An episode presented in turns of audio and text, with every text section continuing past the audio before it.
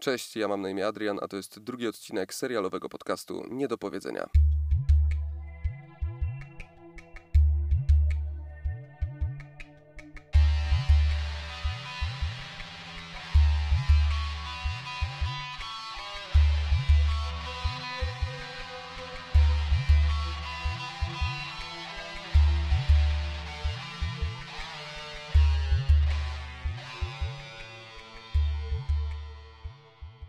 Bardzo dobrze się stało, że przed y, obejrzeniem serialu, o którym za kilka chwil Wam opowiem, e, nie czytałem recenzji, które jakieś półtora roku temu pojawiły się w sieci. Ludzie pisali, że to totalne rozczarowanie. Od potencjalnego hitu do największego kitu lata. Chłosta. No, to akurat musiał pisać jakiś fan Jacka Stachurskiego. Soft porno zamiast mocnego kina kryminalnego, etc., etc.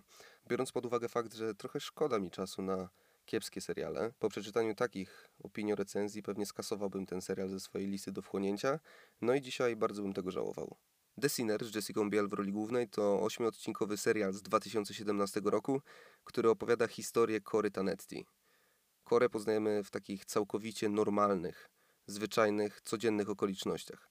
Szara rzeczywistość, w której nie dostajemy żadnych jasnych sygnałów mówiących o tym, że Kora może mieć jakieś poważniejsze problemy, oprócz tych, z którymi mierzą się praktycznie wszyscy.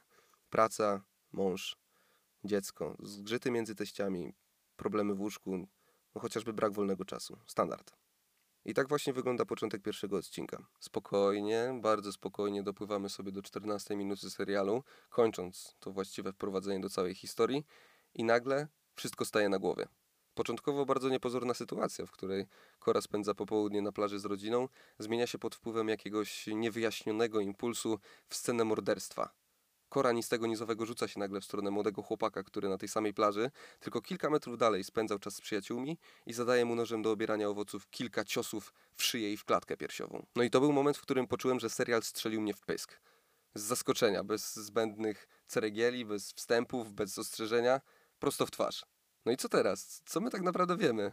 Wiadomo już, że twórcy nie będą w jakiś wybitnie skomplikowany sposób ciągnąć widzów za nos, żeby doprowadzić ich na samym końcu do sprawcy, no bo jakby mleko się już wylało, tak? Mordercę mamy podanego na tacy już w pierwszym kwadransie pierwszego odcinka.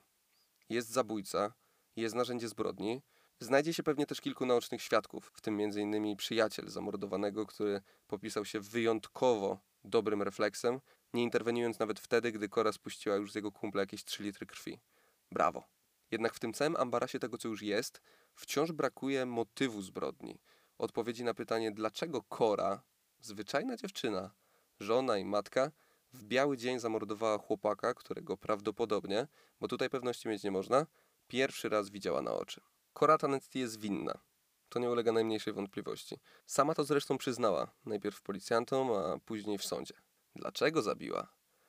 To już bardziej wymagające pytanie, na które niełatwo będzie znaleźć racjonalną odpowiedź, bazując jedynie na dostępnym materiale dowodowym. Poza tym w momencie zabójstwa widz tak naprawdę nie ma jakiejś szczególnej wiedzy. Nie zna postaci, nie może się chwycić żadnego z pobocznych wątków, bo te przecież nie zostały jeszcze wprowadzone. Rąbek tajemnicy też nie został jak na razie nawet uwzględniony, nie mówiąc już o jego uchyleniu. The Sinner bowiem to serial, w którym na dzień dobry dostajemy trzęsienie ziemi, pod postacią oczywiście morderstwa, a później napięcie już tylko wzrasta postacią, która ma poprowadzić zagubionego widza przez drogę tajemniczego zabójstwa, próbując jednocześnie rzucić jakieś światło na tę sprawę, jest detektyw Harry Ambrose, grany przez Billa Pullmana, którego na pewno kojarzycie z takich filmów jak Dzień Niepodległości czy Ja Cię kocham, a Ty śpisz. No gość wydaje się być całkiem w porządku.